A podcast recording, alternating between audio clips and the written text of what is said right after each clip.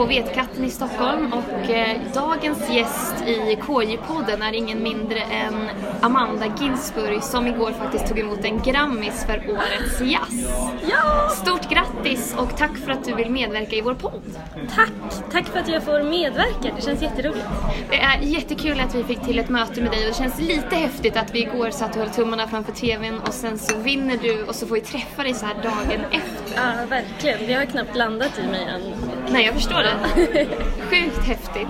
Har, eh, du fick väl hem en statyett igår, eller vad är det för Ja. någonting man får? En, den är i glas och så är designad av Eva Attling Okej. med Orrefors tror jag. Eller vet jag. Ska den få Eh, hedersplatsen? Ja, men den, den kommer liksom inte stå mitt i rummet så, Nej. utan den, den får hamna på en hylla så Ja. lite fint. Den var riktigt tung faktiskt. Jag gick runt på den hela kvällen och bara jättestolt.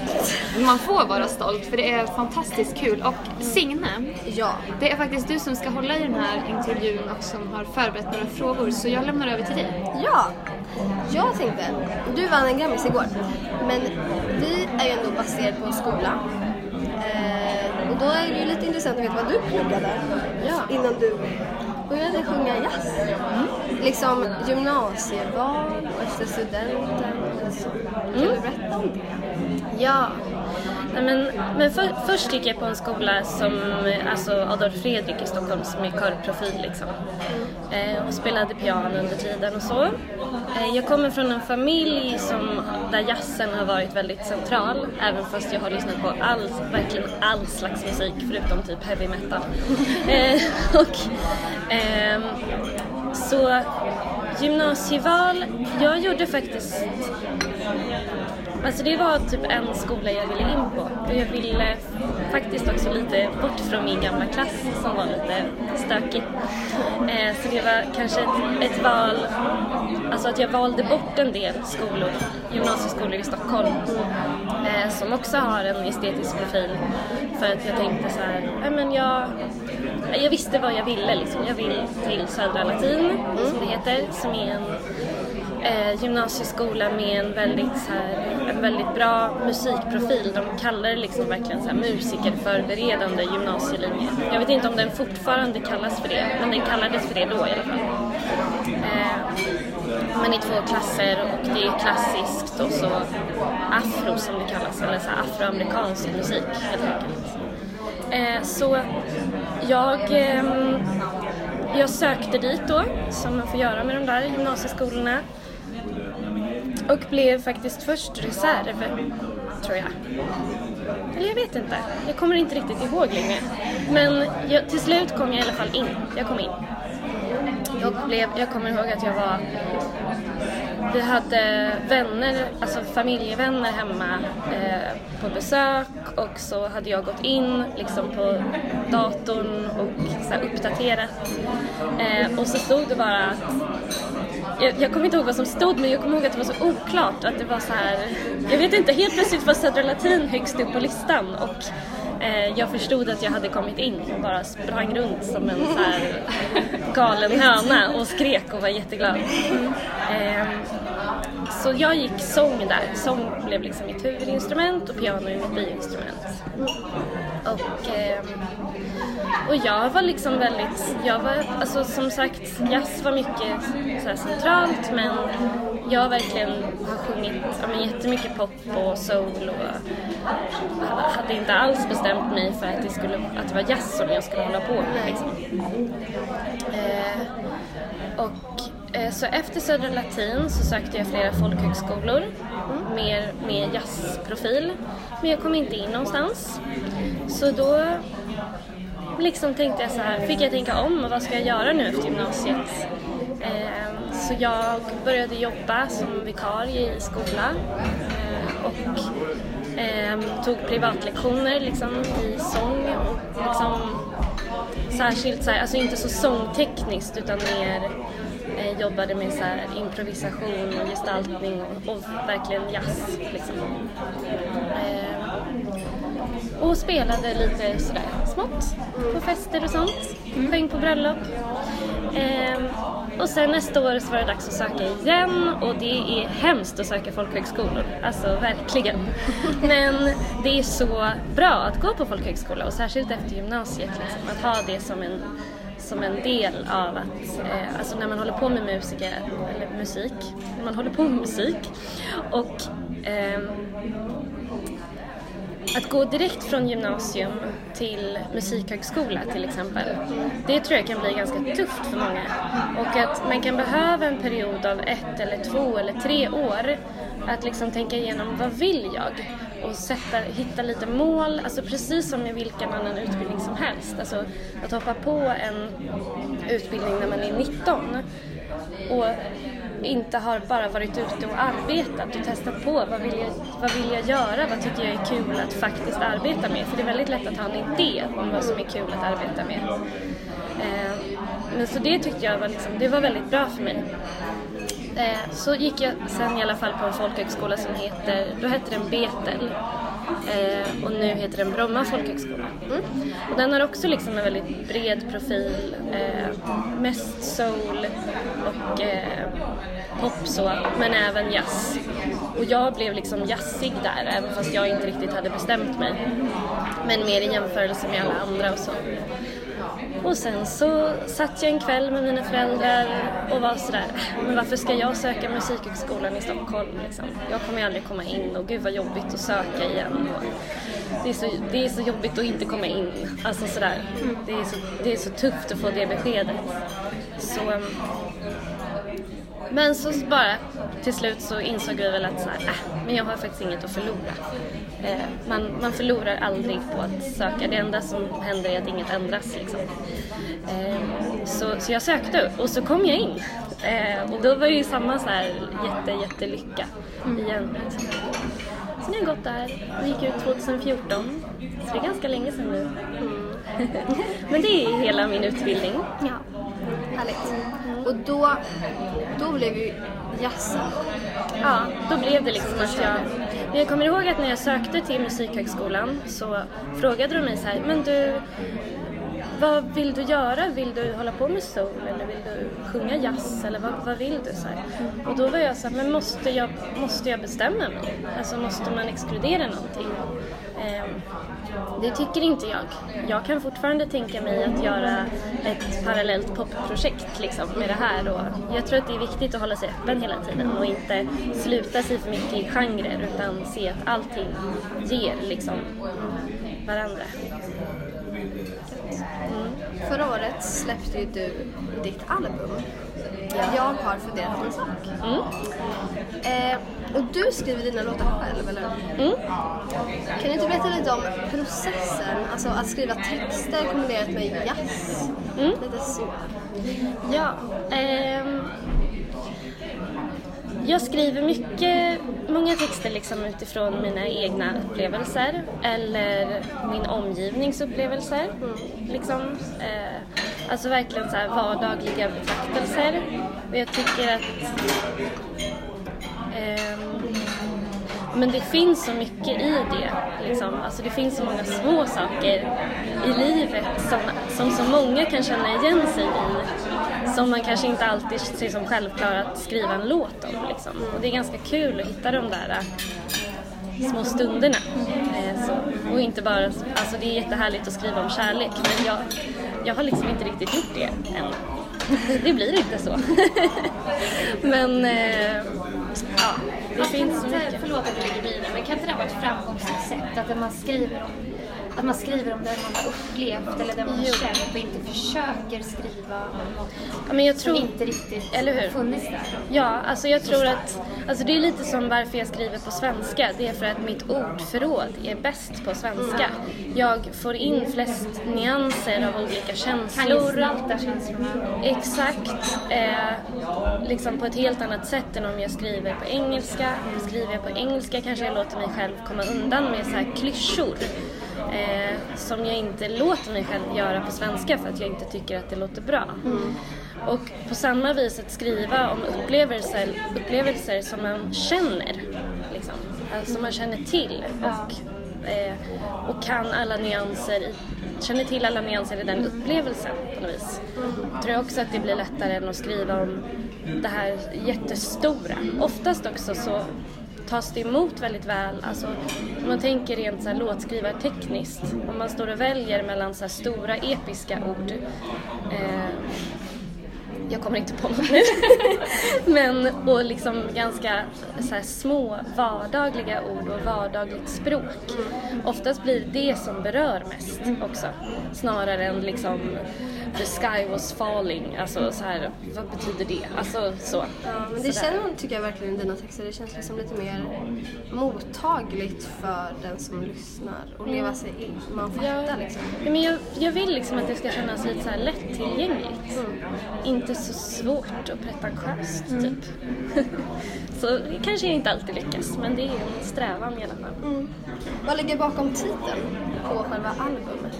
Ja men alltså, det, det var liksom, titeln kom sist. Och ganska så här, nu måste jag sätta en titel för nu, nu måste jag bestämma mig. Men det var så svårt för att jag kände inte att det fanns något jättetydligt i mina låttitlar eller sådär som bara så här, det här är övergripande. Utan det var mycket så här, ja det här är ju saker jag har funderat på. Eh, och så, jag satt typ och fika med min mamma hemma i deras lägenhet. Och så bara så här, ja, jag vet inte. Men ja, jag har, funder- jag, har liksom, jag har ju funderat på det här. Jag har funder- och så bara, men där kanske det har något. Så bara, jag har funderat på en sak. Och så hittade vi lite så här, jag satt typ och bollade med min mamma helt enkelt. Och sen så bara blev det, jag har funderat på en sak. Härligt ändå. Ja. Och det blir så här en titel också som sticker ut lite att folk är så här, det, blir lite konstigt, alltså folk är lite så här, vad, vad, vad betyder det här? Man är så van vid att det kanske är ett ord eller en låttitel och sådär. En låt som du eh, sjöng på Allsång på Skansen var ju En havsmelodi. Den är ju väldigt fin. Och i den finns ju ett litet inslag från Monica Zetterlund-låt. Som Att angöra en brygga är det. Vad tänker du när du influeras av människor och vad har du för inspiration och är hon en av dem som, som du influeras av när du skriver och så? Men jag startade det här projektet för ungefär tre år sedan. Och då, alltså så här ordentligt liksom, nu ska jag få ut min musik och så.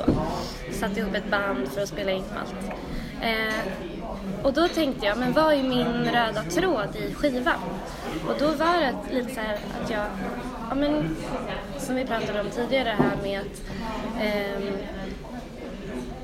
en musik, jag tyckte jag så kom på att det här, den här musiken kanske saknas lite. Det här som var mycket, det var mycket på 60-talet.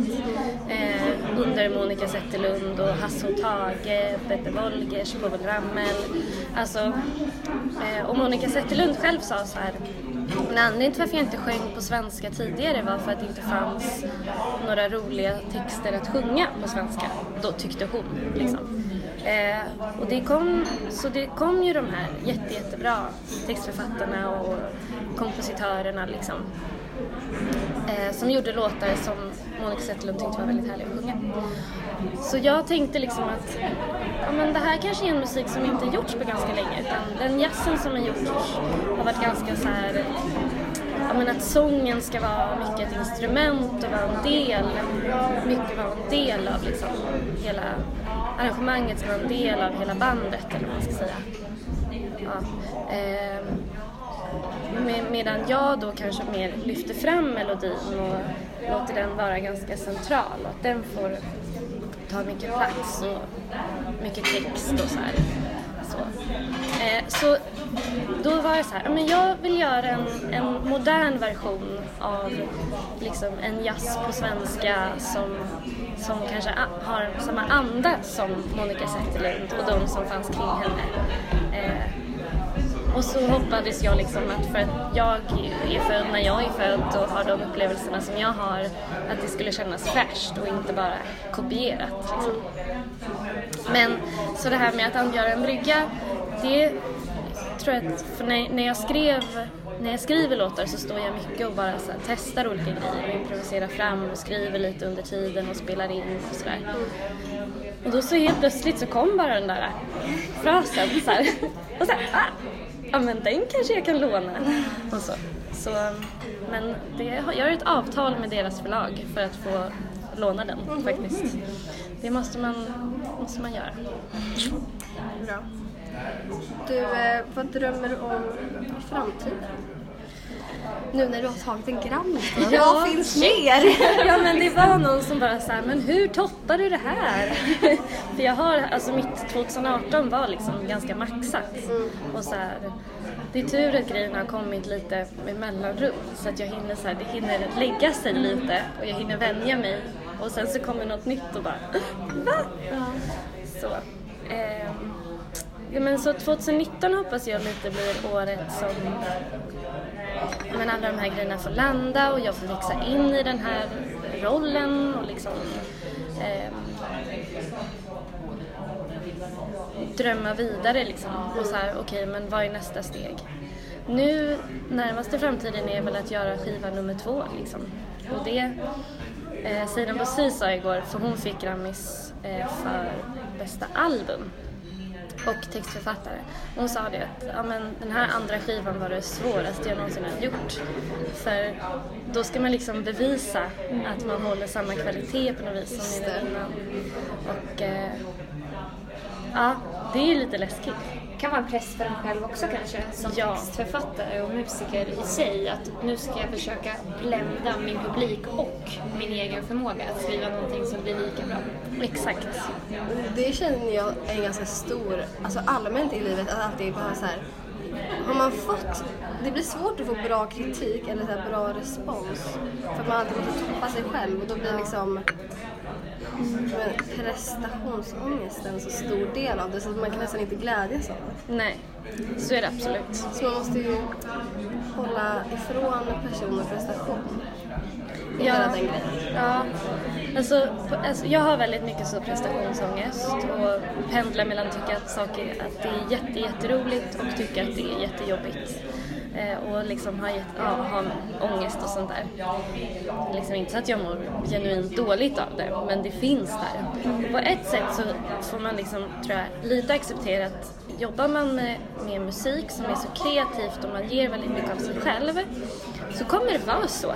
Alltså det är svårt ibland att vara, skilja på vad är privat och vad är personligt och koppla bort sin privata person från sin artistperson. Och det, det är liksom, förhoppningsvis blir det bättre med åren men jag tror att det är, det är även de liksom mest etablerade eh, äldre, alltså som har varit med länge. Jag tror liksom artisterna, de upplever också det. Och så här, hur ska, jag, hur ska jag hålla samma nivå hela tiden? Så, så det, på ett sätt så får man säga, okej, det är en del av det här. Men, eh, men hela tiden hitta det som är kul. Alltså det som bara man gläds av och som ger en energi och så. För att, Alltså för att vara kreativ så måste det måste liksom komma ur glädje och inte ur, ur det här andra negativa. Nice. Svårt att krysta fram kreativitet som ska bli bra. Liksom. Och så, men ibland också är det viktigt att bara så här, "Nej, men nu ska jag jobba.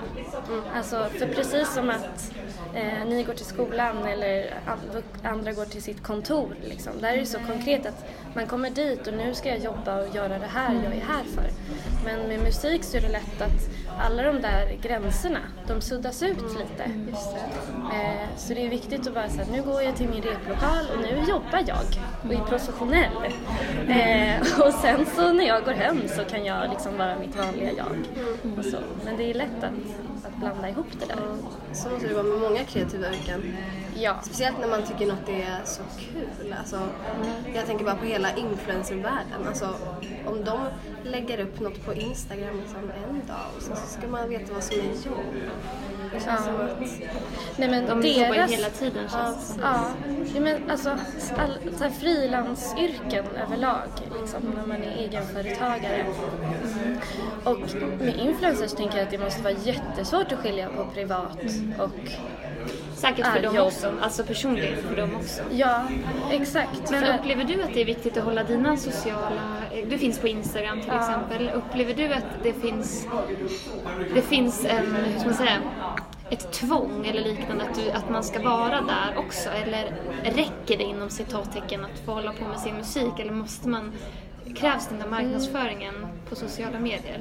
Men jag tror att idag alltså, så vill vi så gärna ha de här, så här personliga kopplingarna. Mm. Alltså, att det kan vara väldigt effektivt. Alltså, det är ju därför det finns influencers. Precis, Alltså, och därför de kan leva på det, för att vi Ja. behöver dem. eller vad ska man säga? Ja, men det är, så här, det är bara så här, att drömma sig Mm. bort i det och få inblick i. Men det som är så viktigt och som jag tycker det är ju ett mycket bättre samtal kring det.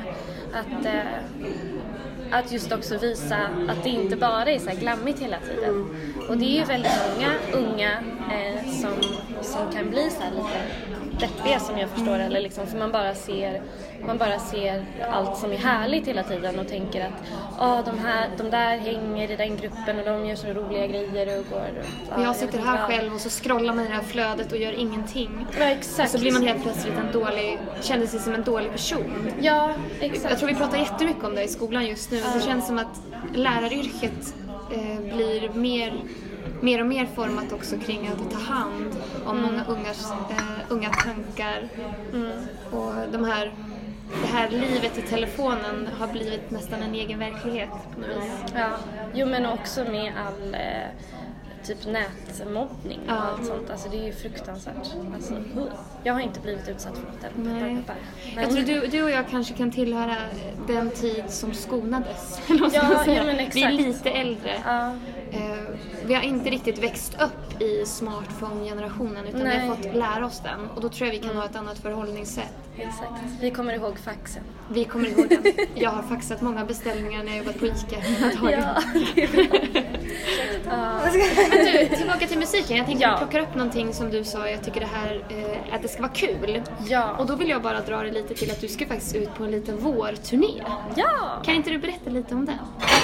Jo men alltså det är ju typ det roligaste som finns, att möta en publik så. Och det är också verkligen någonting som jag så här, jobbat på att utveckla under det här året och så. Hur jag möter min publik. Eh, och mellansnack och allt sånt där. Ehm, Är du pirrig? Innan du går men, jo, men jag kan ofta få alltså, att jag är jättelugn och sen precis innan så blir jag så supernervös.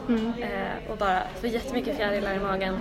Och sen så går jag upp på scen och så lägger det sig liksom så småningom. Så, så första låten är alltid en, en låt som är så här, nu ska vi bara landa här uppe.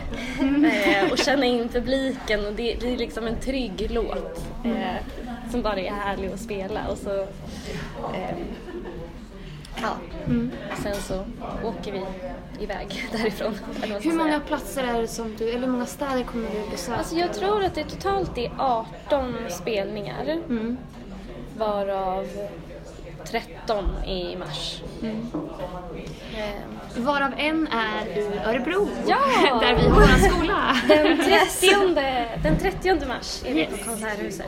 Det ska bli jätte, jätteroligt. Och jag har ju hela mitt, alltså mitt skivbolag, ehm, eller liksom min distributör som det heter, Naxos, har sitt huvudkontor i Örebro. Okej. Eh, min manager eh, bor i Örebro och har verkat där jättelänge, Björn Wallgren. Eh, och, och de heter Kulturaktiebolaget, de som har det. Eh, så jag är jätteofta i Örebro.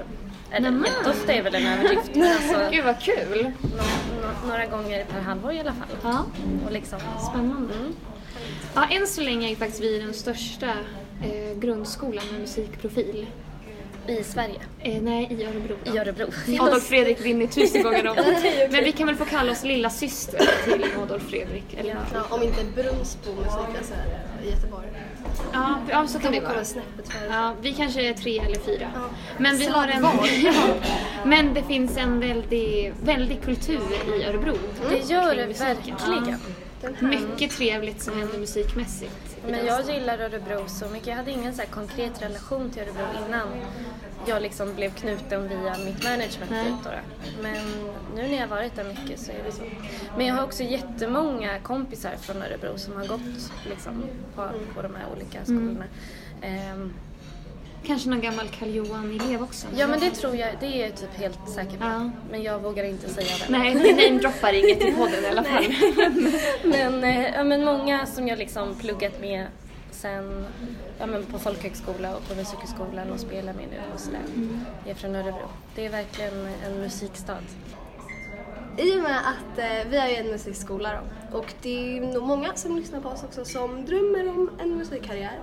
Eh, eller i alla fall hålla på med musiken i framtiden. Och har du liksom några tips på hur man kan gå tillväga eller hur man ska tänka om man vill jobba med det i framtiden? Ja, men, alltså jag tror en grej är att eh, göra grejer med hjärtat. Verkligen.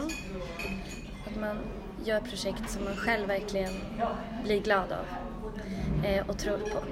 Och inte tvingas in i något och gör något för att andra tycker att det är häftigt. Liksom. Det är jätteviktigt och lätt att glömma bort. Eh, sen är det bra, alltså rent, om man ska se rent så här eh, PR-mässigt. Alltså man behöver någonting för, för lyssnaren och för media typ att hänga upp det på. Alltså om man liksom vill nå ut med sin musik så. Så att liksom på något vis profilera sig lite. Det tror jag är bra. I alla fall till en början. Och sen kan man bredda, liksom när man har etablerat sig och göra annat. Eh, och sen är det liksom att vara musiker eller ha en musikkarriär, det är ganska det är tufft. Man får jobba. Liksom. Eh, men och öva och liksom vara ambitiös. Och jag, jag kan ibland, det finns en del grejer som jag säger, där gjorde inte jag jobbet. Alltså jag ansträngde mig inte tillräckligt. Så.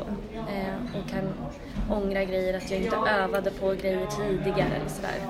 Så inte för att man liksom ska öva ihjäl sig men, men eh, Ja, alltså gör hela jobbet liksom. Det finns inga genvägar. så. Kan inte fuska sig till Nej. Grammis. Nej, det kan man kanske inte. Nej, inte Även det. fast jag är ibland så här, jag har bara, snart kommer någon komma på att jag inte kan något. Så känns det hela tiden. Men det är ju så mänskligt liksom. Eh, ja men också bara så här, ha kul. Alltså spela med folk som du känner dig trygg med. Som, som att bejaka varandra också. Jo, en sak faktiskt, kanske inte riktigt har med det här att göra. Men jag kunde uppleva under gymnasiet att ibland så här kostade, alltså att det blev en attityd som att, att ge någon en komplimang, att bejaka och berömma andra. Eh, till exempel efter en eh, så här, konsertkväll eller så. Eh, att det var som att det, gjorde, det kostade mig. Eh, att det gjorde mig sämre. Alltså det fanns en sån allmän attityd. Eh, och det skapar ju en inte särskilt kreativ stämning, inte så bejakande, det blir liksom inte så lustfyllt. Om man bara går och tävlar med varandra hela tiden. Utan jag tror att alla lyckas mycket bättre och mår mycket bättre om man verkligen så här, eh, ja, men bejakar varandra och berömmer varandra. Våga credda. Våga credda, exakt, för det betyder så mycket. Eh, och då, då tror jag att alla lyckas mycket bättre och kommer må mycket bättre under, under processen. Liksom. Eh, det är så viktigt. Mycket kloka ord. Verkligen. Tack så jättemycket Amanda för att du ville ställa upp. Det har varit superinspirerande verkligen att lyssna på dig när du pratar om din musik. Och vi önskar såklart att det ska gå så sjukt bra som det bara går med turné och nästa skiva och så vidare. Och vi kommer ju fortsätta lyssna efter musik från dig. Jag är så glad. Tack! Tack så mycket!